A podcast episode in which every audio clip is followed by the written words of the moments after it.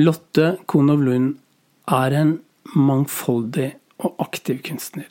Hun tegner, hun maler, hun lager installasjoner, hun har utgitt dagbøker med tegninger, og hun skriver. Hun lager bøker. Hun har jobbet mye med å forholde seg til andre kunstnere. I den store boka som har tittelen Om kunst, har hun intervjuet 25 andre kunstnere om arbeidet deres, og om hva kunst er.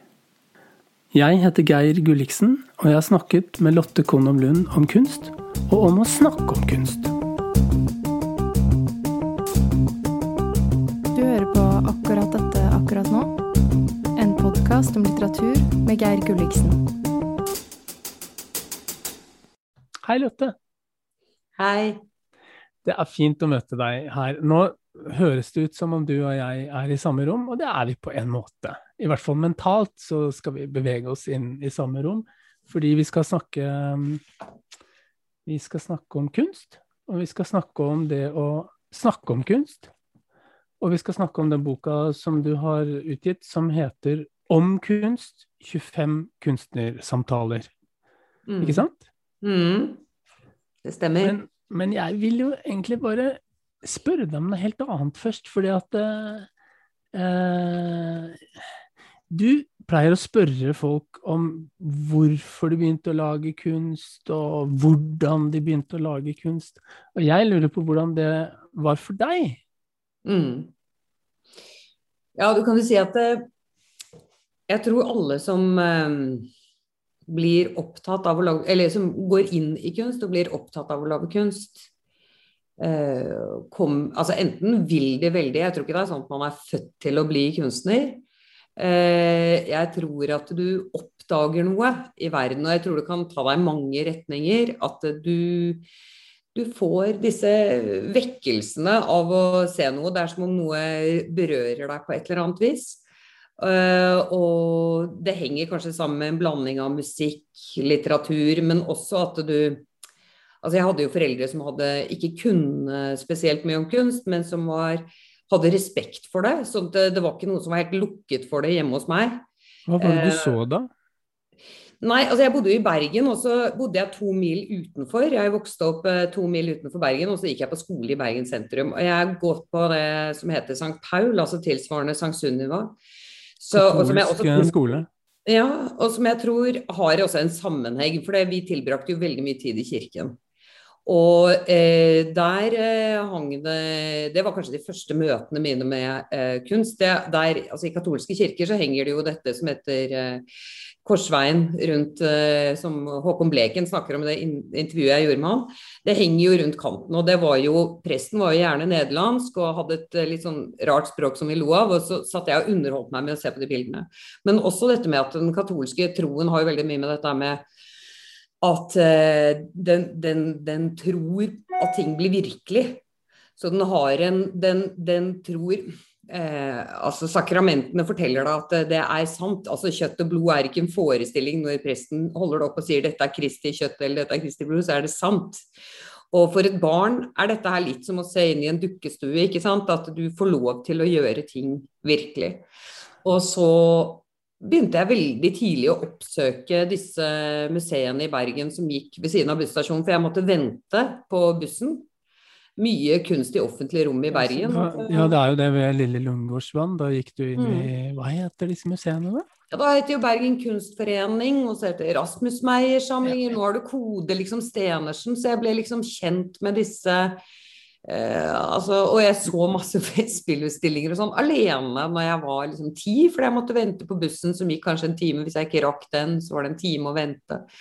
Så, eh, men jeg, jeg, tror det er en sånn blanding av disse tingene. For jeg tror eh, forhold Begynte du å tegne da, eller?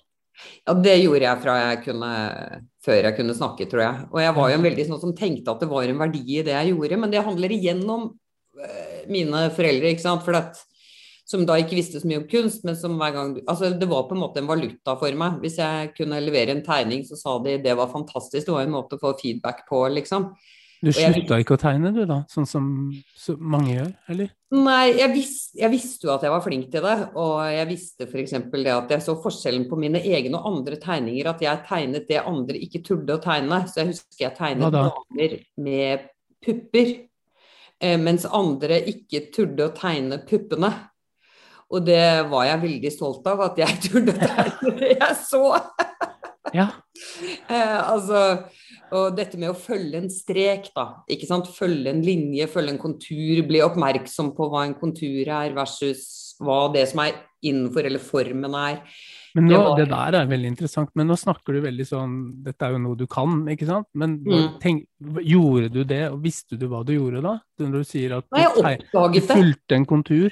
Du Ja, du oppdager det. Du oppdager det, ikke sant. Du ser, hvis jeg skal tegne deg, så sitter jeg og tenker liksom Hvorfor klarer en kunstner, da, som jeg hadde sett i en eller annen kunstforening, hvor tegner han kinnet? Hvorfor er han opptatt av å tegne kinnet, når det jeg tegner, det er bare det som er omrisset av deg? Men da blir det jo ikke noe kropp på denne personen, da blir han flat. Så liksom hvorfor de kjedelige partiene, for man er jo bare opptatt av øynene og nesen og munnen og ørene i begynnelsen. Og så liksom, eh, kanskje ikke ørene, da, for det er litt kjedelig, men, men du er liksom opptatt av øynene, du er opptatt av likheten. Og så plutselig begynner du å se alt dette, sikkert det samme som med litteratur. At det plutselig blir det opp til, hvis jeg skulle tegnet deg på zoomen her vi sitter nå, så liksom skal jeg gidde å tegne bøkene bak, liksom. Og så plutselig oppdager du at det, det blir det, det er der det ligger, liksom. Og det, det tar jo tid, da. Men det er jo en kjempeinteressant prosess som tegner, da. Det er hva du ser, når du ser det, og hvordan du tør å ta fokus bort fra det enkleste, liksom. Og det tar tid. Ja, og så er det noe med språk og deg, det lurer jeg også litt på. Jeg, jeg har eh, lest um, den boken som du utga som heter eh, 'Dagbøkene januar 2014 til februar 2016'. Mm. Utrolig fin.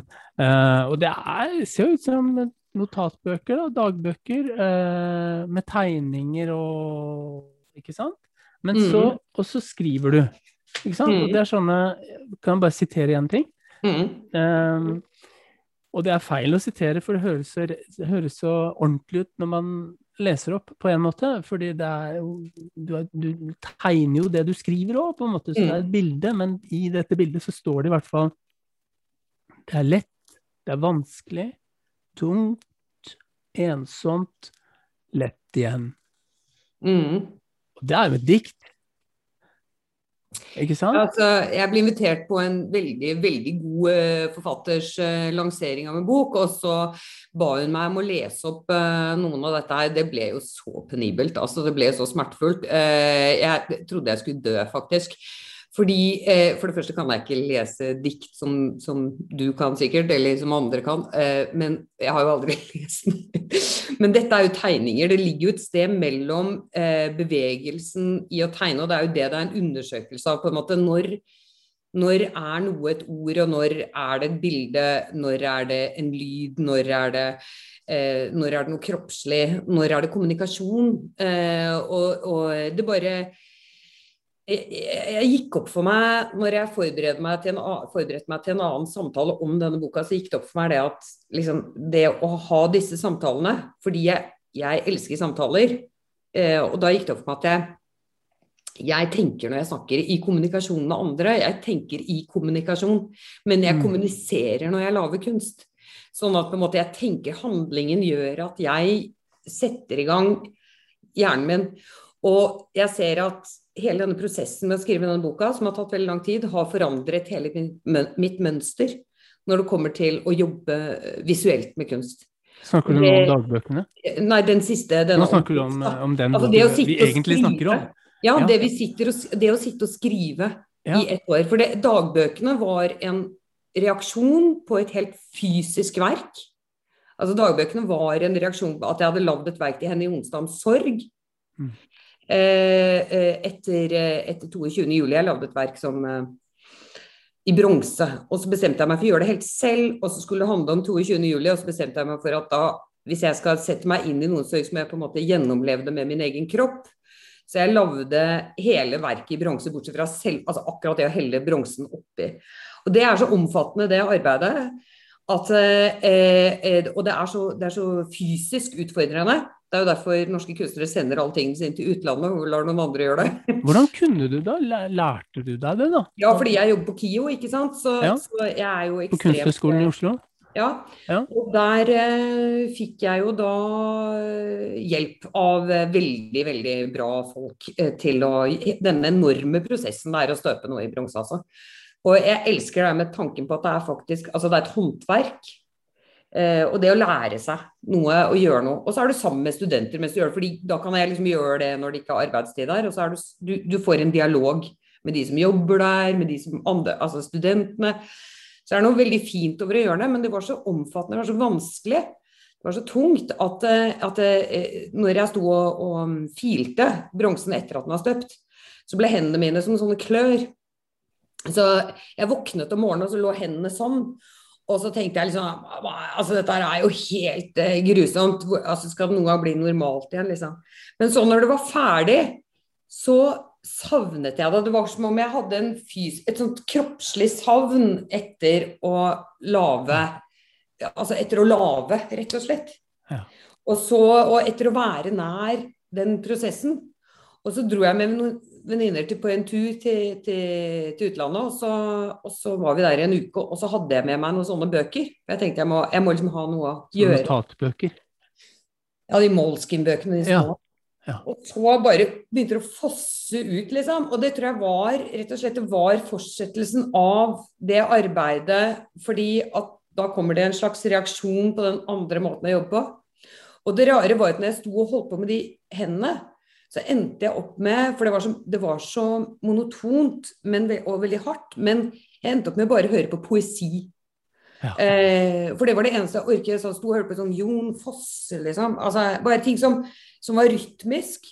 Eh, liksom har en form for Men uten Altså I begynnelsen hørte jeg på radio, det ble veldig slitsomt. Så til slutt så var det bare poesi som liksom kunne gi kroppen det der med å stå og jobbe med det der. Det var veldig, veldig interessant, altså. Så når dagbøkene begynte, så, så tror jeg kanskje at mye av dagbøkene den prosessen gikk over i det. Var, altså, i, I ord, da. Det jeg da hadde gjort som var helt Men kroppslige ord, på en måte. Ja. Tegnede Ja. ord, og ord som har en sånn kroppslig mm. eh, betydning. Men eller, eller, eller hva heter det? Ja, de går inn i kroppen i hvert fall. Kommer ut av kroppen. Ja. Um, og så driver du og snakker med folk. Ikke sant? Intervjuer Ja. kunstnere. Har gjort det i mange år nå. Eh, Ja, mange de har stått i, i, i Morgenbladet, mange av disse samtalene. Før det blei eh, denne boka. Men jeg lurer litt på det. Hva gjør det med deg som kunstner at du jobber så mye med å formidle andre kunstnere? Er det liksom eh, Er det bare bra? Sikkert ikke, men altså, det kan jeg ikke bry meg om. Uh, jeg tenker altså, jeg skal ikke være så redd for det. Skal vi være, Nei? det, er, det er litt sånn geni altså, Vi er jo så opptatt av geniet innen billedkunst, ikke sant? og dette mytiske og alt dette her. Vi må slutte med det, altså. Det har ikke noen plass i fremtiden. Og, og, og jeg, tror, jeg, jeg tror at altså, vi, kan, vi, vi, kan ikke drive og holde på med sånn dobbeltmoral om at vi vil ha mange inn i kunsten, og vi vil liksom hva kunsten Alt det man lærer da, ikke sant. Altså, vi vil ha representasjon, vi vil ha vi vil ha liksom en bredde og så, I neste øyeblikk så handler det egentlig bare om liksom dette Sorry meg, hvite mannlige geni som skal sitte alene eh, og, og holde på med sin egen ting. Og det er ikke noe galt med det. Det er helt greit, men det er mange roller innenfor kunst. Mm. Jeg, jeg, jeg er ikke så redd for det, for eh, jeg likte når han der skrev, han Uthaug skrev i, i, i Klassekampen for et par uker siden om, om John Keats. Og så den nydelige gravsteinen som sikkert, du sikkert vet hva er, hvor han sier eh, hvor han sier at jeg, John Keats dør 25 år og, og forlanger å ha en gravstein hvor det ikke står noe annet enn 'jeg var ringer i vannet'. Og så tenkte jeg, vis meg den mannlige kunstneren som vil ha det uten navnet sitt på. Eh, eller kunstneren i det hele tatt. Det er mange nok kvinner som er på samme måte, da. Men jeg tenker, må man for å lage kunst, er det sånn at altså når du spør meg det, er det da sånn at jeg blir en bedre kunstner av å bare være opptatt av mitt eget, da? For å spørre tilbake igjen.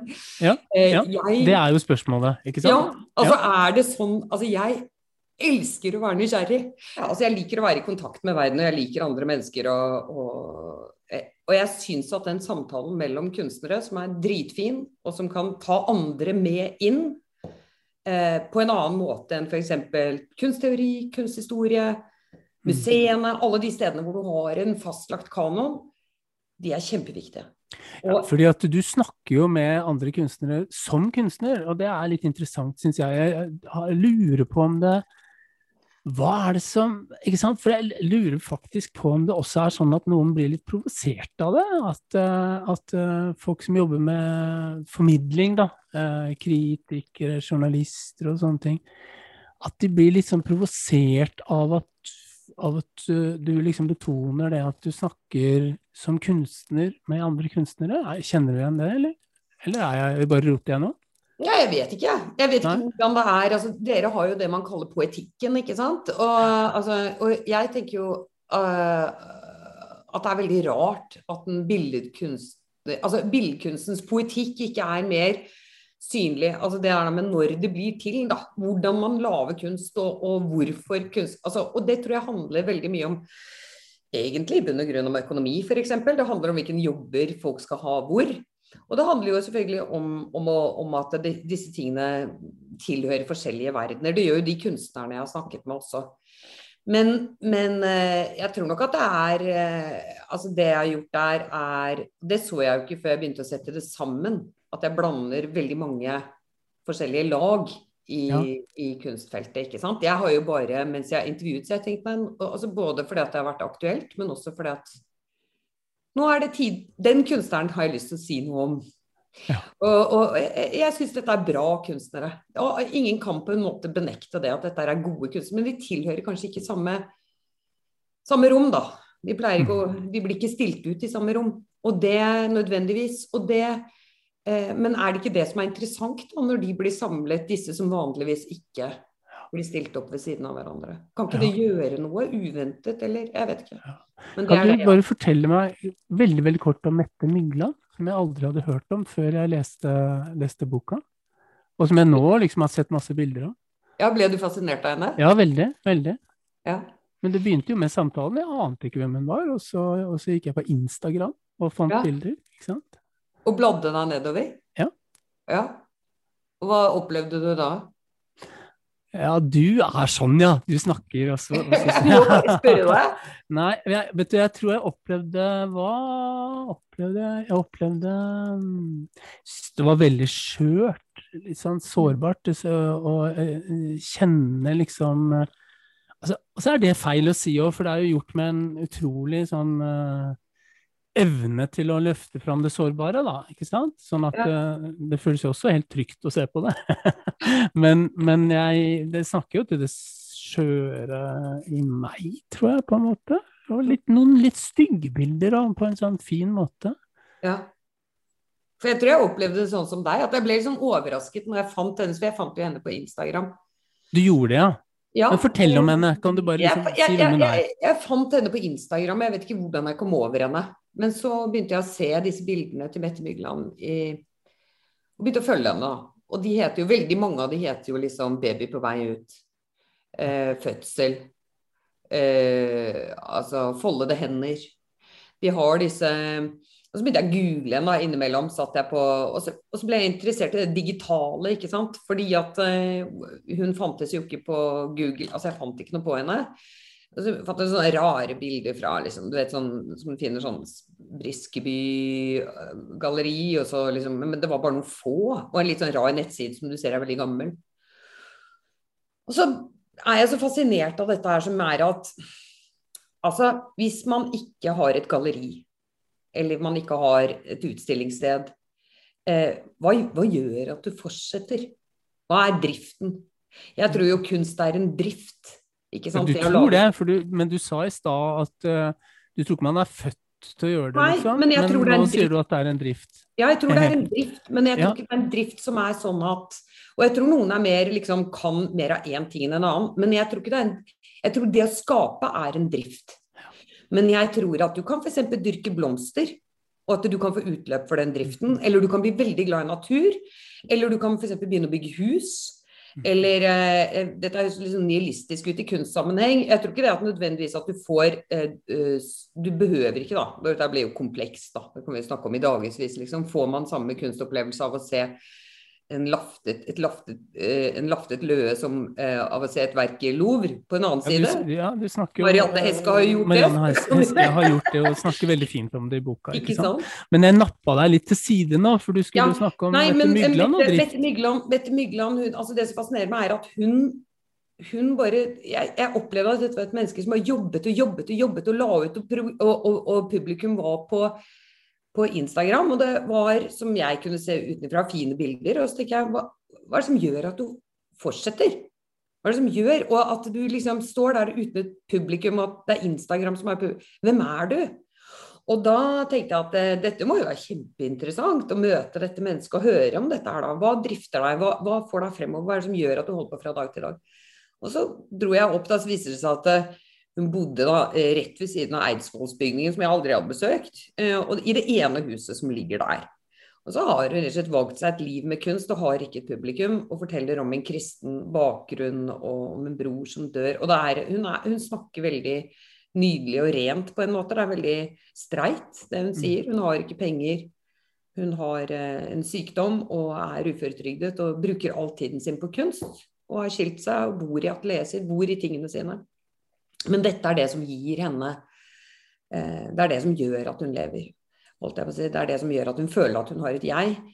Og, og, og så skal hun stille ut på Nasjonalmuseet sin åpningsutstilling, hvor de har en sånn eh, Hvem som helst kan søke, litt sånn som Høstutstillingen. De har en sånn åpen søknadsgreie. Som gjør at måte hun blir interessant i denne boka, og fordi at flere andre snakker, altså, eller i hvert fall Dag Erik Elgin snakker jo om, vi snakker jo sammen om den utstillingen. Ja. Eh, og også fordi at man snakker om, mange snakker om systemet innenfor kunst. da. Ikke sant? Disse systemene, hvem som hører til hvor. Så Fortell om det. Bare snakk om. Det Hva betyr det? Ja, Nei, altså det er jo masse u... Jeg vet ikke altså innenfor andre kunstretninger, men innenfor kunst så er det jo, spesielt innenfor billedkunsten, tror jeg, så er det mange litt sånn usynlige skodd. At du kommer inn og Ja. stiller en kunstner som tilhører et sånt galleri, vil aldri stille ut på et mm. sånt galleri. ikke sant? Hvis du er en akademisk kunstner, en akademisk billedkunstner med ph.d., så er du, da er du Eller altså, da bruker du en form for språk, og kanskje det til og med henger sammen med din form for visualitet. Eh, hvis du er en akademisk kunstner som jobber med kunsthåndverk, så kan det være Altså, dette her er liksom et stort Du går imot dette, du? Eller? Nei, eller jeg, nei, jeg gjør jo ikke det. Jeg bare sier at så stort er dette feltet. Så mange forskjellige har dette feltet. Jeg har bare latt det ene drifte meg til det andre omtrent som jeg leser bøker. Eller som jeg går rundt i verden. For hvis jeg sier at jeg skal bare undersøke dette innenfor, innenfor Skal jeg bare lese denne type bøker, eller bare se denne type utstillinger? Så, så, så altså, da kan du spørre meg er ikke dette farlig for kunsten din. Mm. For da, Mm. Ikke sant? da, Da vil, altså, lukker du jeg, den, på en måte. Ja. Altså, jeg har aldri sett noen motsetning i å lese liksom god og dårlig litteratur, f.eks. Nei. Men du, Vanessa Baird snakker du også med, og hun sier at kunstnere burde ikke snakke om kunst, og, og, og hun vil egentlig ikke gi flere intervjuer, og så snakker hun med deg likevel. Hva er det, da? Nei, men Hun sier jo også like etterpå at jeg er konsekvent inkonsekvent. Så øh, Vanessa er øh, skyter fra hofta og øh, er vel bare et kjempestort overskudd, omtrent som øh, maleriene sine. Altså hun, hun, hun har snakketøyet godt i orden og reflekterer utrolig bra. er kjempesmart, men sier også akkurat det hun vil når hun vil, og kan godt skifte mening i, løpet av et sekund. Og Det er kjempefint. Det er, hun har jo også veldig, syns jeg, veldig ålreite politiske meninger. og så sier hun jo noe fantastisk, men hun sier dette at jeg kan ikke fordra hippier. Har du noen gang sett en hippie ta vare, ta vare på moren sin? Ja. Som jeg syns var helt veldig bra sagt. Ja, veldig bra. For det litt, det er litt fælt, altså. Men det, det sant, sikkert. Det høres sant ut. I hvert fall når hun sier det, så høres det sant ut. Ja, det gjør det. Ikke Ja. sant? Det var interessant det du sa der. ja. Men ja, fordi noen ting blir jo sanne når de blir sagt, ikke sant? Ikke sant? Eh, og, så, og så kan du liksom gå litt, uh, gå litt vekk fra det, og så kan du tenke ja, men det er ikke hele sannheten, på en måte. Men det Ja. gjør det ikke mindre sant, Nei, det er så sant, det du sier der. kanskje. men du, Per Inge Bjørlo. Eh, kan, jeg skal ikke gjøre det lett for meg selv, men kan du bare fortelle om han kort? Ja, altså hvem altså, Som jeg skriver, tror jeg også der For det, altså, Per Inge Bjørlo er jo en kunstner som er elsket av alle. Og det må han jo være, for han er et menneske Han er både et menneske og en kunstner som på en måte du Det er ingen som ikke respekterer Bjørlo, tror jeg. Altså, det ville overraske meg å møte noen som sier han er ikke en bra kunstner. Og det er veldig uvanlig, for når man snakker om alle disse forskjellige eh, rommene, eller noe sånt nå, så er det veldig ofte ikke sant? Folk elsker jo å ha noe imot en annen kunstner, spesielt noen som ligner litt på deg. Eh, da er man jo ekstra imot en kunstner. altså Skulle jeg møtt en tegner som utfordrer meg, så er det jo liksom, da utfordrer jo min posisjon. og men ja, dere er konkurrenter har... hvis dere er litt like. Ja, ikke sant? Ja. Men, Men ikke, han... sånn med, ikke, sånn med, han. Nei, altså alle ser jo dette her, at dette er et menneske altså det, det, er så ekte. og jeg, jeg, jeg, altså jeg, opplever det, som du sier da, jeg opplever noe som veldig sant i det han gjør. Eh, og veldig rått og veldig brutalt. Og jeg opplevde han, som jeg skriver der, første gang i 95 på et sånt uh, seminar i, i Finland hvor han snakket om eh, seg selv. Og jeg har sett det to ganger, og jeg begynner jo å grine hver gang. Og det er veldig flaut. Forrige gang gjorde jeg på en scene og begynte å grine fordi jeg hadde hørt han snakke. Men han er Han forteller jo om denne grusomme oppveksten som han ikke er noe bitter for, og som han tar inn i kunsten. Og det er veldig fint. Det er foreldre som Var alkoholister, som han sier. Ja. Ja. Og, og, som var utenfor og solgte rottegift i bygda.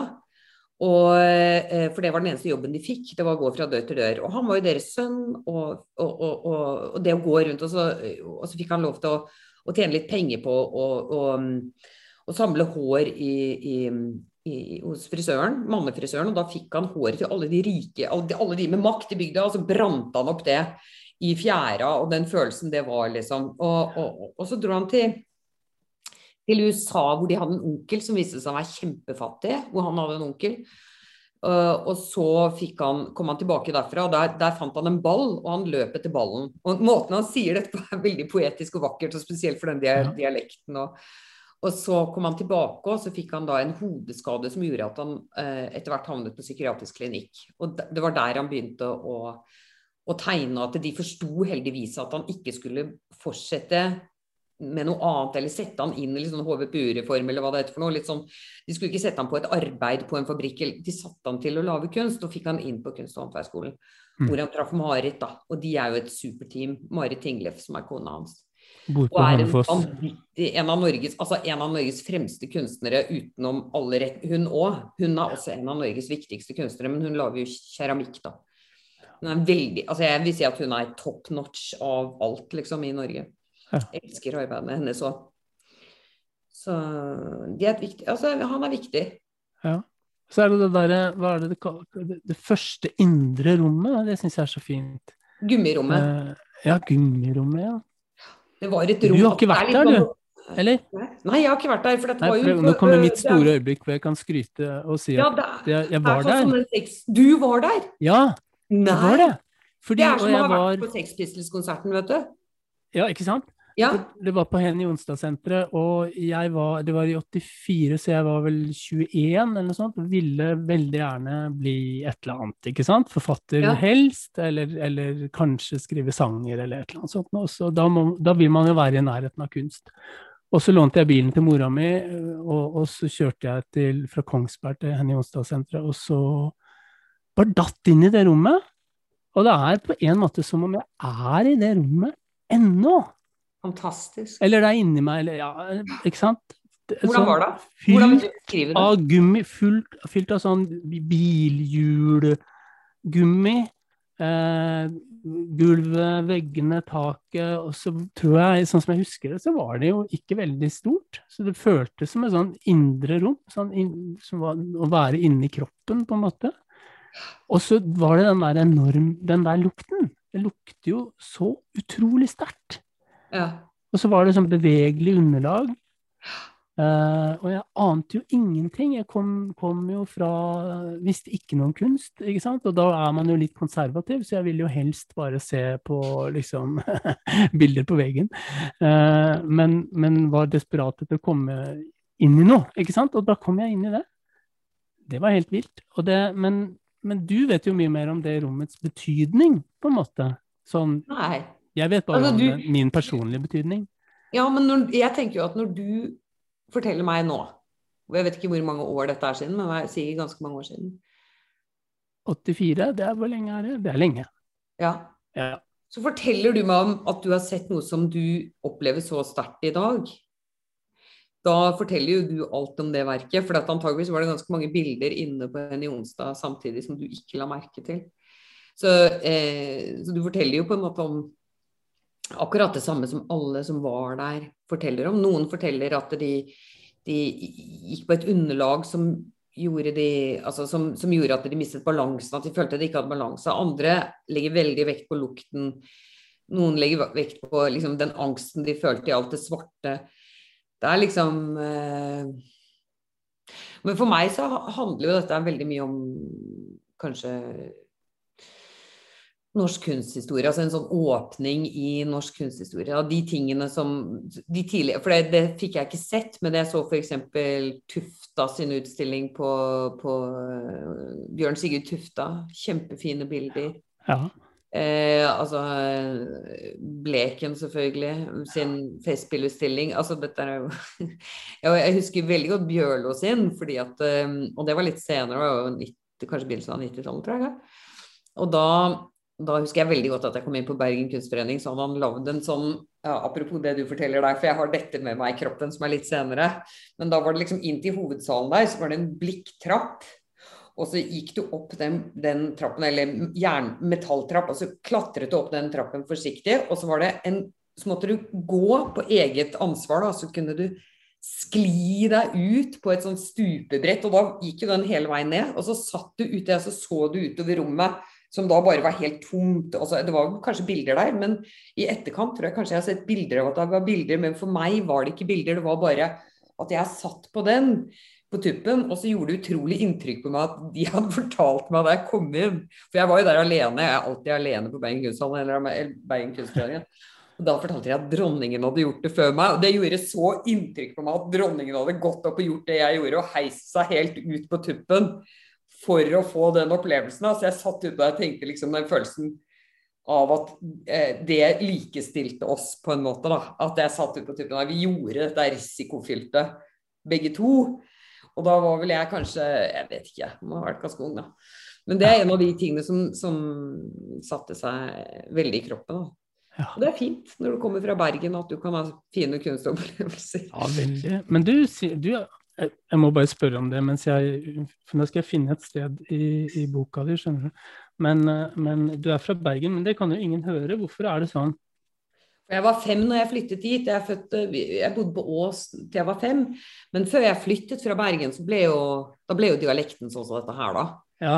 Så jeg kom ja, meg unna akkurat i Falsk bergenser. Jeg kom meg unna sånn at det ikke ble sittende. For det hadde vært veldig grusomt. Du, jeg, ikke, kan vi bare være litt hos Bjørlo bitte lite grann til? Fordi at eh, det, Og det er jo feil, selvfølgelig, at, jeg skal lese det han sier, fordi han har jo en dialekt som gjør det helt annerledes, men jeg må gjøre det likevel. Uh, og det, da sier han nemlig at uh, den største styrken vi har som kunstnere, er å vite at det fins kollegaer der ute. Mm. Og så sier han en ting til, fordi du spør ja, er det fordi vi har et fellesskap i det vi gjør, og i måten vi snakker sammen på. Og så sier han jeg tenker mer på identiteten til de som ønsker å finne noe i kunsten. Mm. Jeg tenker på de som kom fra forskjellige steder alene. Alle disse menneskene som gjør små grep i leting etter kunsten. Disse menneskene som kanskje ikke ble kunstnere, men som er like viktige og like essensielle som oss som ble det disse menneskene som er på kunstskoler, som undersøker noe hver for seg, selvfølgelig, den type bevegelse som også har vært synlig for andre kunstnere, og blitt en del av deres arbeider og fremdrift. Og særlig den der setningen Jeg tenker på de som kom fra forskjellige steder alene. Jeg syns det er Er Er ikke dette ganske viktig, da? Ja, er det ikke vakkert? Jo. Det er jo jeg pleier å si til studentene hvert år når jeg, når jeg åpner semesteret, så pleier jeg å si at jeg pleier å si at jeg kan se for meg hvordan dere har kommet fra hele landet med de små knyttene deres på en pinne, og hvordan dere har blitt kasta ut av bygder over hele landet, og følt dere følt dere liksom utafor der hvor dere kom fra. Og så kommer dere hjem på KIO. Og så når du sier det, så veit jeg at det fins mange mennesker som Kanskje akkurat nå tror jeg det der er veldig sterkt. Som sier sånn Ja, føler seg utafor. Ja, det er ikke bare kunstnere som føler seg utafor, og du driver med sånn kunstnermytologisering og sånn. Hva, hva, hva, hva sier du da? Nei, men Det fine, da, det er jo altså Jeg tenker jo, jeg skriver jo også det forordet at jo mer du lærer om kunst ikke sant? Jeg, Når jeg sier at eh, du er ikke født til å bli kunstner, så sier jeg at det er på en måte det som drifter deg mot å finne steder for utløp for skapertrangen din, eller for å oppleve noe, eller for å se dimensjoner i virkeligheten. Da, tenker jeg. Og jeg tenker at du kan få like sterke opplevelser av ting du opplever. Og vi driftes jo mot det å vekkes på en måte, eller å se ting på forskjellige måter. Du kan utfordre meg ved at vi snakker sammen. Eller jeg blir jo det hver gang jeg leser en av dine bøker. Så blir jeg jo utfordret. Og da gir du meg et annet perspektiv. Og det er jo lik det som er når du, når du er kunstner. Det er jo veldig likt. Og det er jo ikke sånn at det, er på en måte, det er mange, mange flere som er i kunsten enn de som lager den. Det er jo alle som opplever den. Vi deler jo det. Ja. Så det blir helt feil å si liksom Det blir en Eh, en veldig nedvurdering, tenker jeg, av hele, alle mennesker i dette landet. Det som er en stor nedvurdering av mennesker i dette landet, er jo å stenge kirkene og, kjøpe, og, og, og, kirkene og museene under pandemien, men holde kjøpesentre åpne. Fordi eh, det er jo det er jo det, det er, altså, helt absurd at ikke, man, at, at ikke kirkene har vært åpne absolutt hele tiden. og Museene òg, da. Museene, ja, likt på en måte, tenker jeg. for at eh, de tingene, den delen av kunsten du ikke kan ta med deg hjem. da. Jeg savner f.eks. ekstremt å gå på teater. Så mm. eh, altså Det er en sånn kjempeviktig del av mitt liv da, å, å oppsøke teater. Og konserter, selvfølgelig. Og jeg tror det at de menneskene som sitter rundt der, de tenker ikke det. De tenker hvor utrolig viktig det er for de å gå på den konserten eller på det teaterstykket eller eh, Og nå kan de lese bøker, da, men de kan ikke de kan ikke oppsøke disse tingene som gjør at du kanskje slipper å sitte og tenke på deg selv hele tiden. Altså det vonde i deg selv, for nå er vi jo innelåst med alle traumene våre, alle sammen. Nå er det jo, tårner det seg opp eh, hos meg, og jeg merker de rundt meg. Vi trenger jo hverandre for å slippe å tenke på oss sjøl. Men du, du snakker med en, en, en, god del yngre kunstnere som heter Ahmed Omar. Mm. Uh, som er uh, norsk-sudansk. Mm. Har du hatt han som elev, forresten? Fordi han ja. har vel gått der hvor du er lærer? Mm, han, uh, han, altså jeg har noe som heter presentasjonsforum, hvor vi snakker om kunst. ja, ikke sant? Og så, og så, har jeg noe som heter Agenda, som er et sånn stor seminarrekke på Kunstnernes hus. Ved siden av at jeg har veiledninger. Og Ahmed har jeg både hatt i presentasjonsforum, og så har jeg han, eh, vært veileder for han. Fordi, Hva er det han gjør? Hva? Han, behandler, altså han, han, kom jo til Norge fordi han er homofil, og, og kom til Norge som flyktning pga. det. Han har familie som bor over hele verden. Faren hans var veldig prominent eh, eh, oppe i de, er, de kommer fra sufi-delen av islam. Og så flyttet han til Så er han vokst opp i Mekka, hvor faren hans jobbet for en veldig sånn, viktig person som regnskapsfører, tror jeg. Eller, eller, han jobbet for ham. Eh, også for å være nærmere eh, kjernen av islam. Da. Og der har du en annen wahhabisme eh, som er mye, mye strengere i, i Saudi-Arabia. Og den konflikten han opplevde både ved at han visste at han selv var homofil, uh, men, og at det er, det, er veldig, det, er, det er, utrolig vanskelig innenfor islam.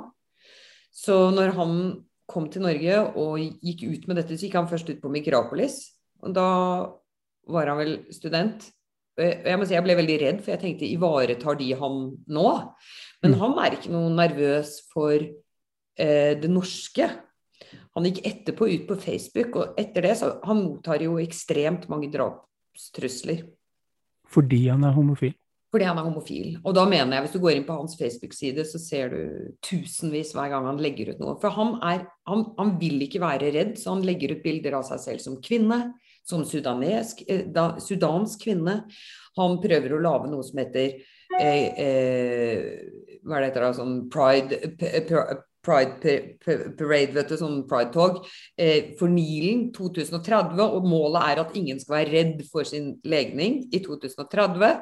Han jobber ja. mot det. Han, han, han, men han lager også veldig mye kunsthåndverk som handler om mer sånn postkolonialistiske eller direkte liksom dette Det er veldig nydelig lagd. Han er ekstremt god med og han utvider altså dette med Du snakker om å snakke med kunstnere, da. Så tenker jeg at dette er helt sånn kjempenødvendig å gjøre. For han utvider forståelsen av fors, altså forskjellen av eh, Han fjerner på en måte den forskjellen mellom kunsthåndverk eh, high art and low art. Han fjerner på en måte det med brukskunst. Og, og det syns jeg er så interessant. Altså, Hvordan så, gjør han det? Fordi han, han, I Sudan finnes det jo ikke museer eller gallerier. Der er jo kunsten det, altså det er jo Kunsten kan være hvordan du sitter sammen og spiser, hvordan du blir begravd. hvordan du, De hadde scarifications til bare for Hva er det for noe? Arr som Altså, tanten hans var det øh, Det er den siste generalen. Da, da lager du arr i ansiktet. Han la akkurat ut på Facebook nå en sånn over tradisjonelle scarifications, da. Som er en skjønnhetssymbol i Sudan men, har vært det, da. Men, men, men, i og med at disse tingene, på en måte kunsten, skal vi da si at det er ikke kunst, for det som er kunst, det er bare det som fins i et gallerirom, ikke sant. Så han åpner og presser på en måte på vår idé om hva kunst kan være. Mm. For vi har jo hatt veldig sterke skodd mellom liksom, som er liksom, Og det er brukskunst, det er kunsthåndverk, det er billedkunst. Altså tekstilkunsten fikk jo ikke plass på høstutstillingen før kjempesent. ikke sant? Og du, Du kan egentlig sidestille det fordi det, det, er så relatert til det kvinnelige, f.eks. Og eh, disse tingene, det med at brukskunsten For det, det, truer jo mennesker når du åpner opp, når, når, noen har funnet sin turf, liksom. Noen har funnet sin sin 'dette her er vårt, dette eier vi', og så plutselig så kommer det noen og sier liksom 'hei, det kan tilhøre her, der', og mm. Dette er jo hvordan verden går videre, og så er det det som truer verden, tenker jeg. Og det, sånn som han er ekstrem, han er et forbilde for meg, rett og slett. Jeg, jeg skjønner ikke at han tåler det hatet da, som han blir utsatt for. Det, og at han vil stå i det. Jeg, jeg, er helt, jeg, er helt, sånn slått i bakken av dette vakre mennesket. Hvis det er lov å si noe sånt. At det, han er bare sånn utrolig fin. Så... Ja, det skjønner jeg. Men du, jeg, jeg har sett et bilde um, fra en performance, uh, er det vel, som han har hatt. Uh, og det bildet jeg så, da sitter han med en uh, flere hundre sånne små leirefigurer. Um, hva er det for noe? Han, han, sitter, og så er det noe lys, og det er en slags Ser nesten ut som en slags uh, begravelse, liksom. Dere snakker om det også i den samtalen i boka, da, men, men hva er det der?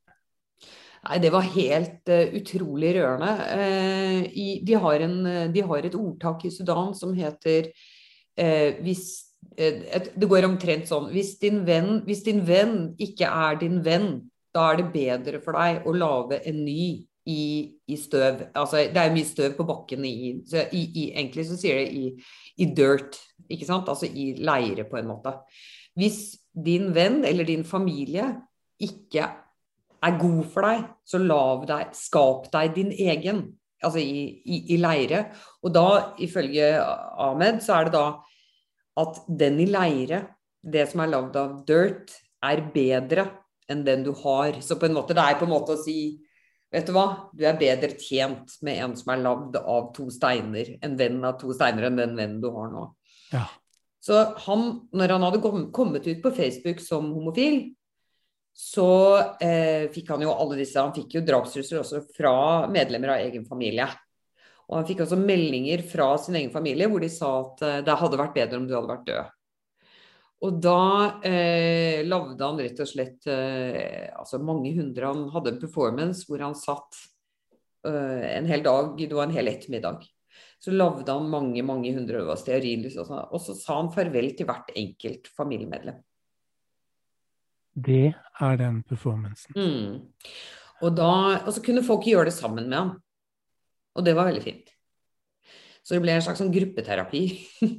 med liksom hele, altså Alle som var der, ble jo med i dette her. Og veldig rart. For vi har jo ikke eh, altså Hvis du tenker på hvordan vi begraver mennesker, eller ikke sant, så er jo dette Vi har jo ikke den formen for eh, Det var veldig rart, fordi at du kom liksom Empatien din ble veldig veldig vekket. og Det liksom, det at du kunne sette deg ned og lage en figur selv og si ha det til den, et menneske som ikke har vært bra for deg, i fellesskap. Det er, så, det er nesten liksom perverst intimt, hvis du skjønner, for en nordmann. da. Mm. Det å være nær det. Og det er der jeg mener at det er presset på oss er så viktig på oss alle, da. Og man skal ikke glemme at det er sånn all kultur blir til. ikke sant? Det er gjennom reising. Og det er jo det han, det er jo det han viser, da. Altså, Hva, hva mener du når du sier presset på oss? Nei, presset på hvordan vi forestiller oss ting, de ordens, liksom de reglene vi har for sånn er kunst, eller sånn skal vi være, sånn skal det fungere. Og så kommer det et eller annet inn da, som er helt uventet, og som forteller oss at du kan ha så mange fine ord du vil, liksom, men nå setter vi oss ned og så sier du ha det til moren din som aldri var bra mot deg, og så vil alt bare rase. altså på en måte Plutselig så er det en del av kunsten, det òg. Ja. Altså Plutselig så blir det noe uventet da, inn i våre veldig strenge regler for hvordan ting skal være, som vi ikke har sett at vi har lagd engang. Og det eh, syns jeg er veldig fint med sånne som han. Og det gjør jo Bjørlo òg. Altså, det- Bjørlo gjør jo det samme, ikke sant. Det er bare den, på en annen måte, da. Det er veldig, veldig sånn maskulin. Ja, han bruker, hva er de titlene som Bjørlo snakker om? Han, eh, med Og mor, du lukter du, Mor, du lukter så du, du, eh, Mor, du lukter så sterkt av piss i dag. Eller så godt av piss i dag. Altså, de Og så jo sier han om den tittelen at det, det er jo ikke retta mot mor, på en måte. Det, det, han sier noe veldig fint. Han sier at han vil at de som ser det, skal på en måte åpne seg for uh, hvordan det er i verden, eller realiteten. Eller han sier noe sånt, ikke sant? Ja, hvis jeg husker riktig, så sier han noe sånt noe. Men, eh, men eh, det er egentlig akkurat det samme som det. Ahmed gjør, da. Bare altså, på en måte det tvinger deg til å være nær deg selv på en uventet måte. I en kontekst hvor du kanskje ikke trodde at du skulle gjøre det. Og det Det tvinger deg til å være nær deg selv, ja. Det, ta, den, det tror jeg nesten jeg må skrive på veggen. det du sa nå. Ja, men vi vil jo gjerne det, og så kanskje ta med oss det ubehaget det medfører, da. Ikke sant? Ja. Du, jeg er jo litt sånn halvdanna og har ikke, mange ting jeg ikke har fått med meg. Eh, og en del ting jeg har fått med meg da. Men, men hvorfor visste jeg ikke om Siri Aurdal før jeg leste denne boka? Det er vel kanskje først og fremst min egen skyld, på en måte. Eh, men kan du bare si noe til meg om Siri Aurdal? Jeg tipper du vet hvem um, Synnøve Anker Aurdal er? Ja, ja. Så tipper jeg du visste hvem Ludvig Eikås var? Ja. ja. Altså, eh, Siri Aurdal er jo eh, sånn norsk kunstadel på en måte, fordi at uh, Ludvig Eikås var stefaren hennes. Moren hennes var uh, Synnøve Anker Aurdal, som da var uh, gift med, med Ludvig Eikås. Og så had, var fa, faren hennes, hennes biologiske far, var også en veldig kjent norsk billedkunstner, Aurdal. Og bestemoren hennes faktisk debuterte i veldig godt voksen alder på Kunstnerforbundet som billedkunstner, hun òg. Og hennes tante var Katti Anker Møller, vel. Så hun, altså, vi snakker om en virkelig sånn norsk kunstfamilie, og var tidlig ute, var medlem av GRAS. Eh, altså var med på å starte helt i begynnelsen på Graf. Kunstnergruppe på, på 60-tallet. med, med Per Kleiva og Morten Krogh, altså de veldig kjente kunstnerne, aktivistkunstnerne. Og så lagde hun da enorme skulpturer, eh, kjempesvære. Eh, og de ble kjøpt inn så De var på Kunstnerens hus, nydelig utstilling, ble kjøpt inn som utsmykning. Trosterud skole, var det vel. Og, og så ødela hun ryggen på 80-tallet, og så forsvant hun helt. Og ble helt borte frem til eh, Det var en veldig veldig viktig utstilling som het 'Hold eh, stenhårt fast på greia di'. Som, eh, En, en utstilling med flere kunstnere? ja, som var kuratert av Eline Muggås og Elise Storsveen. Eh, 2008 kan det kanskje ha vært? Eh, eller var det kanskje senere? Uansett, de lagde dette hvor de tok frem igjen all den glemte kunsten fra 80-tallet. Altså 80, ja, det er jo 70-80. Eh, med veldig mange kvinnelige kunstnere som rett og slett Ingen av disse verkene var innkjøpt. Det var en veldig veldig viktig utstilling. Den forandret faktisk den gjorde, Det var som å se liksom, tankskipet gjøre en brå sving liksom, i, i Norge. Og den har fått en viktig betydning i etterkant fordi at man har begynt å se rundt seg på alle de andre tingene man plutselig ikke har lagt merke til. ikke sant? Mm. Mm. Det har blitt en bevissthet at, at kunsthistorien kanskje sånn som Hanna Ryggen, liksom, hvordan, eh, som egentlig aldri har vært glemt, men som plutselig har blitt tatt opp igjen. Og jeg, jeg, må bare avbryte eh, ja. Og så går vi tilbake, ja. veldig lynraskt tilbake til Synnøve. Aurdal. Altså, men men Siri Aurdal, unnskyld. Uh, fordi at jeg, jeg, spurte deg på forhånd før vi skulle snakke sammen om liksom, kan du løfte fram én bok som har vært viktig for deg, kanskje ja. under arbeidet med din egen bok. Ja. Ja. Og da var det nemlig en bok om, om Hanna Ryggen som du uh, tenkte på. Ja. Hva er det med den? Er... Nei, altså, jeg, altså da kommer det jo, må, Da må vi bare gjøre ferdig den, for der er det en liten historie. Altså, jeg underviste på kunst, jeg har jo undervist på Kunst- og håndverksskolen i veldig mange år nå. Og eh, en dag så kom det to studenter. Da var, den, da var vi var i den gamle bygningen, og det må ha vært i 2006 eller 2007 eller noe sånt. Og jeg er jo da ferdig utdannet i 1997 var jeg ferdig utdanna. Og så kommer det to unge studenter til meg, så vi snakker sammen, så sier de altså, så, Det var Ann Katrin November Høibo, nå en veldig kjent kunstner, og en annen som heter Maria Brink. Og så sier de to ja, eh, du, altså, du, vet jo som han har Ryggen. Og så sier jeg har Ryggen, jeg vet ikke hvem det er. Så sier de du vet ikke hvem han har Ryggen er, for de gikk på tekstillinjen. Og så sier jeg nei. Og så viser de meg bilder, og så ble jeg helt fra meg. For jeg hadde da gått gjennom 15 års utdannelse, undervist i 10 år uten å vite hvem han har Ryggen var. Altså at det er mulig. Den, kanskje en av de beste kunstnerne vi noensinne har hatt. Hvordan er det mulig? Som lagde tepper? Som vevde tepper? Ja, og de er ekstremt eksplisitt politiske, ikke sant. Og hun er jo en utrolig interessant person. Men de er jo også så eksplisitte, de er så ekspressive. Eh, og, og, ekstremt politiske. Og hun levde jo et veldig spesielt liv med mannen sin.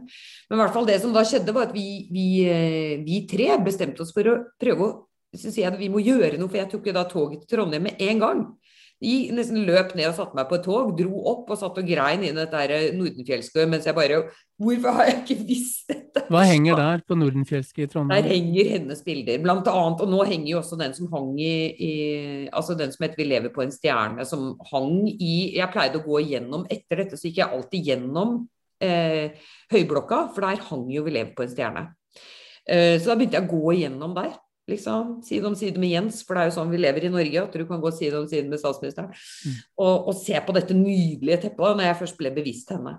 Og så gikk vi tre til uh, Marit Påske, og så sa vi hva med å prøve å, å liksom, re, altså, få liksom, Hanna Ryggen frem. Og hun tente jo helt på dette her. Og så gikk vi først til Kunstnernes hus, som ikke var interessert. Og så gikk vi fire sammen ned til Kunsthall Oslo, som da fikk full tenning på dette her. Og så lagde Marit en utstilling med Hanna Ryggen der. Og så begynte hun på dette omfattende arbeidet med den boken, da, som hun begynte, for hun er jo vokst opp i Trondheim. Og når jeg fikk den boken, da, for jeg visste ikke noe om eh, så på En måte, en ting var at vi hadde en personlig historie, men, men Hanna Ryggen gjorde så ekstremt inntrykk fordi vi hadde en kjempestor norsk kunstner som bare var kjent i tekstil gjennom min utdannelse. Og det forteller så mye om på en måte eh, hvor, hvor, tette skoddet er mellom, mellom, rett og slett det, det faglige, da. For etterpå kom hun på Dokumenta etter at Marit hadde gjort dette. Det er jo verdens, liksom regnet for å være verdens viktigste, mest toneangivende utstilling som bare er åpen hvert femte år. Hun har vært stilt ut på Kirn. Hun har liksom, hun har liksom vært over hele altså i Frankfurt, stort museum i Frankfurt. Hun har vært over hele verden nå. Folk er gale etter Hanna Ryggen. Og så kommer denne historien til Marit, og det, gjorde så inntrykk, fordi Marit eh, Påske da ikke romantiserer Hanna Ryggen, men bare beskriver dette livet, og hvorfor han Det har vært kjempeviktig, liksom, hva, hva, det betyr at noen tar på seg det arbeidet nå.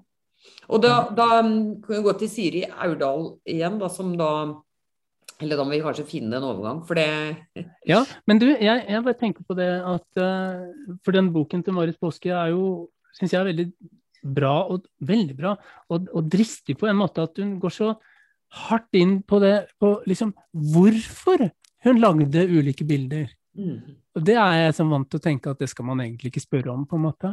Eh, og, og, og, da kan jeg godt lage den overgangen for deg, fordi at eh, nå har jeg jo sett noen av de der skulpturene til Siri Aurdal, noen av det som Men bare se et bilde av det, da. Eller installasjoner Hva faen sier man? Unnskyld, jeg skal ikke banne heller. Men eh, store, rare former. Store former. Noe røraktige greier. Veldig fascinerende. Hvorfor lager man det? Hvorfor gjorde hun det?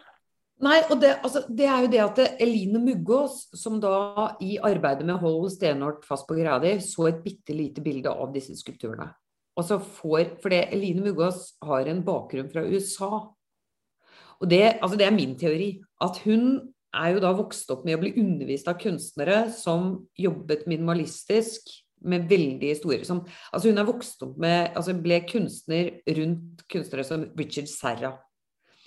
Det finnes et sted utenfor New York som heter Diabiken, som er liksom den minimalistiske kunstens gral.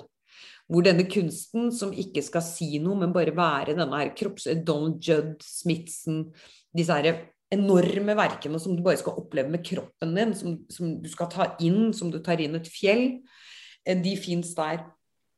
Muggås har jo da vokst opp med det, altså på en måte blitt kunstner med dette.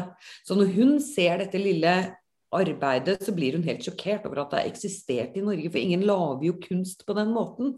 Kjempeformer som bølger seg over, som du kan klatre på, og som skal stå i skolegårder, og politikken er innebygget i bevegelsen, da. Ikke som en sånn Hvordan da? Hva betyr det at politikken er innebygget i bevegelsen? Fordi når jeg snakker med Siri Aurdal, så, så snakker vi om gras, og så sier jeg til henne ja, du var medlem av gras, og så er det litt rart for meg, for hun er en veldig forsiktig person. Og så sier hun ja, jeg var alltid misunnelig på de gutta, sier hun, fordi gutta de var så De var liksom sånn eksplisitt politiske, da. De var jo sånn eh, Vi skal stå sammen! Altså det var jo AKP-ML, ikke sant. Det var liksom Ja. ned med makta! Og så sier hun men for meg så var det politikk å sette en stor skulptur i en skolegård og se at barna kan gå under, over, rundt. Ja. Ikke sant? Derfor så ble Det er en annen form for politikk. For det, det betyr jo at hun på en måte så at det offentlige rommet, og hvordan vi beveger oss, og hvordan barna skal forholde seg til sin egen kropp, er like viktig. mm, Er like inkluderende som å si at liksom Vi er sammen for alltid! mm. på en rød plakat. Altså på en måte, hun inkluderer noe annet, hun ser politikken på en annen måte. Og, og da tenkte jeg at når, altså, altså med Aurdal, så tror jeg at når du sier det der, så øh, hvorfor er det sånn? Fordi Aurdal så hun, opp, hun er opptatt av sirkelen. Sirkelen som går igjennom hele kunsthistorien.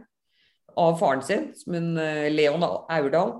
Og så Hun er forteller veldig fint om det, om hvordan hun ble opptatt av det. ikke sant? Ja. ja, og hvordan faren var en god pedagog. Og så forteller hun om Hun er jo matematisk veldig god, tror jeg. jeg tror hun, altså hun, forteller, hun snakker jo om pi, og om eh, sirkelens liksom, matematiske oppdeling. Og om oljerørene. Og det er så fantastisk, for hvis du har en samtale med Siri og Eline sammen, for nå var jo dette her et, et intervju med de to, men Eline har jo da satt seg helt ekstremt inn i disse tingene, og brukt mange år av livet sitt på på en måte å vise frem Siri Erdal. Hvis ikke så hadde nok ikke Siri Erdal fått den renessansen som hun har. Så, eh, og Eline snakker jo da eh, har liksom brukt tid med Siri på å finne frem til dette, hvordan oljerørene våre Og nå syns jeg jo det er veldig interessant, tatt i betraktning at vi, du og jeg, vi har liksom vært med på stigningen, toppen, og nå går det nedover. Altså, vi har vært der med disse rørene som er så kjempeviktige, da. Så nå har Nasjonalmuseet kjøpt inn en Siri Erdal, og den skal stå liksom sånn at du kan alltid se den når du går rundt. Og da, da tenker jeg det er veldig interessant i forhold til den oljetiden vår, da. Ikke sant? For hun, de, hun brukte de oljerørene som man brukte til å frakte olje fra plattformene og inn. ja. Det er, det er jo sånne ting du gjør, øh, og, og, og som du gjør så utrolig bra, syns jeg, med denne boka. Det er øh, at øh, plutselig så vet jeg hvem hun er. Plutselig så vet jeg hva hun har tenkt en del om, og, og vet hvordan Siri Aurdal har jobbet. Og det visste jeg ikke, ikke sant. Det er jo Jeg er veldig takknemlig for det, rett og slett. Eh, og så lurer jeg på vi, vi, vi, dette er helt forferdelig. Vi må snart, eh, vi må snart slutte. Ikke sant? Jeg ville snakke med deg om f.eks. Sandra Mujinga, som lager en performance som, hvor hun ikke er til stede. Hvor hun lager, poenget er at hun ikke syns. Mm. Uh, jeg vil snakke med deg om, om, eh, om eh, Elisabeth Mathisen. Jeg må snakke litt om Elisabeth Mathisen. Hva er det? Hun visste heller ikke hvem var, ikke sant? Og så forteller, så får jeg vite gjennom samtalen mellom dere at hun har mistet en sønn. Det, det har Synnøve Persen også gjort. En sånn rar parallell plutselig. En datter. En, en datter der, ja. ja. Unnskyld. Uh, hun har mistet en datter. Sånn, det betyr jo Skulle ikke tro det betyr noe i kunsten, men det betyr jo alt, på en måte. Eh, og Elisabeth Mathisen har eh, en utstilling som het Sorgarbeid. Mm. Ikke sant? Kan, og så bare lurer jeg på, fordi at hun sier da jeg må bare lese det.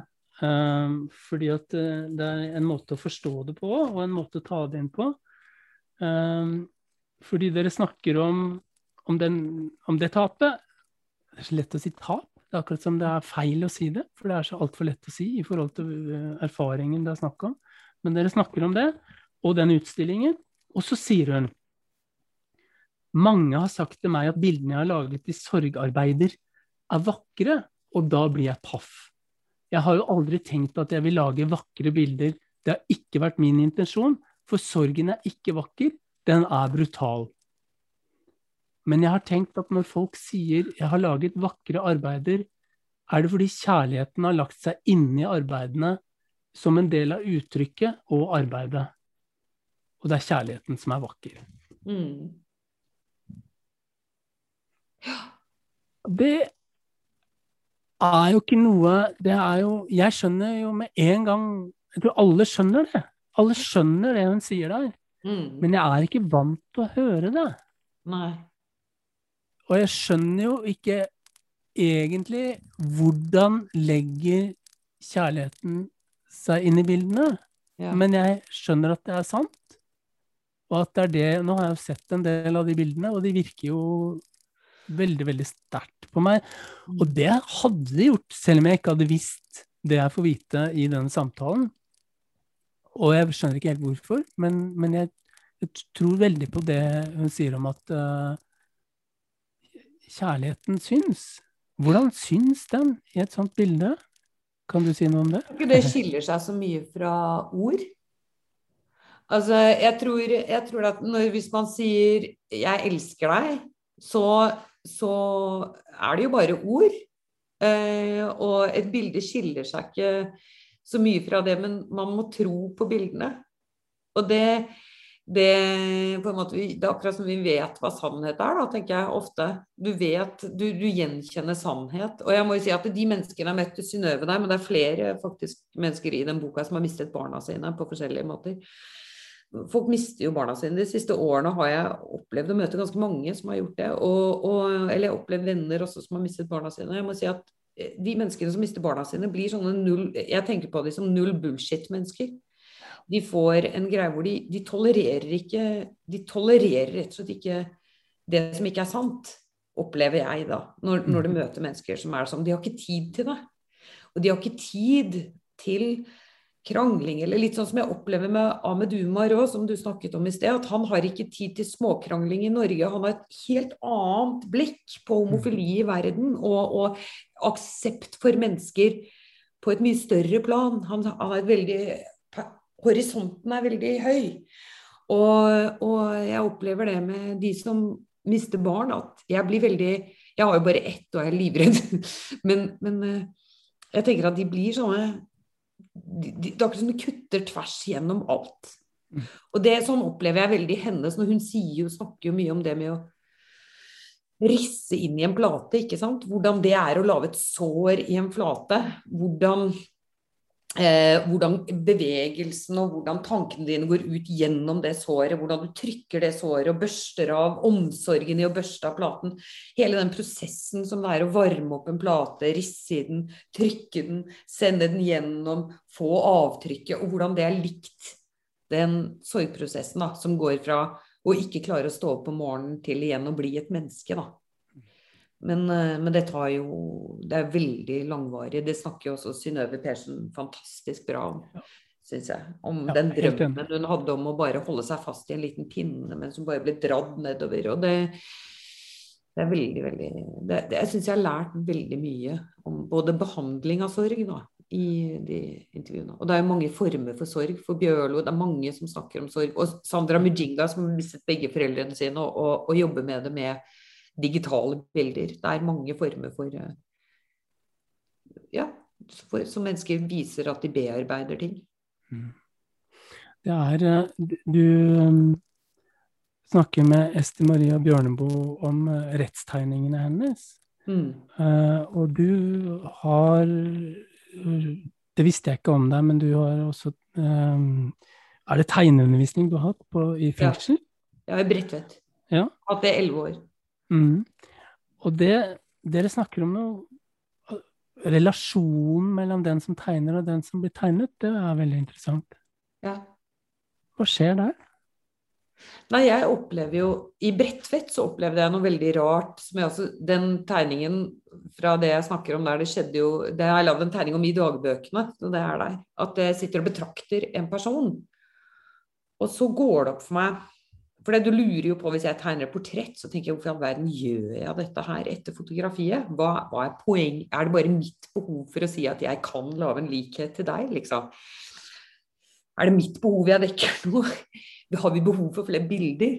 Og så opplever jeg inni et fengsel er det jo ikke lov til å ta bilder, og det er jo ikke noen kamera der. og det er ikke, Så det gjør verden veldig annerledes i et fengsel enn der mm. utenfor.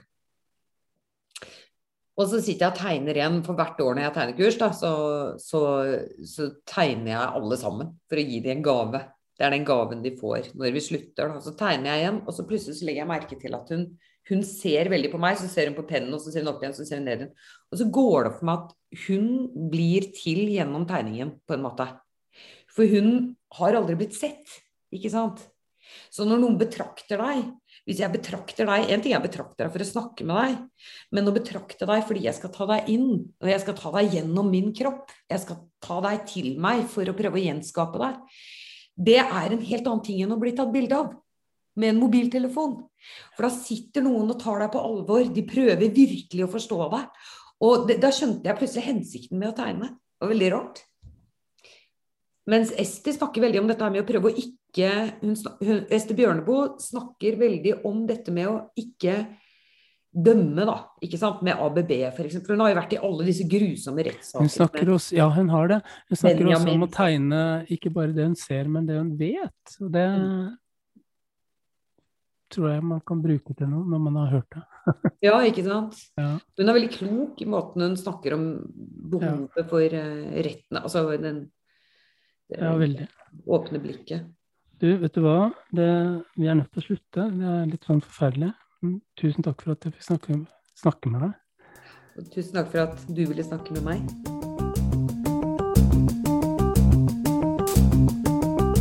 Akkurat dette akkurat nå er en podkast produsert av forlaget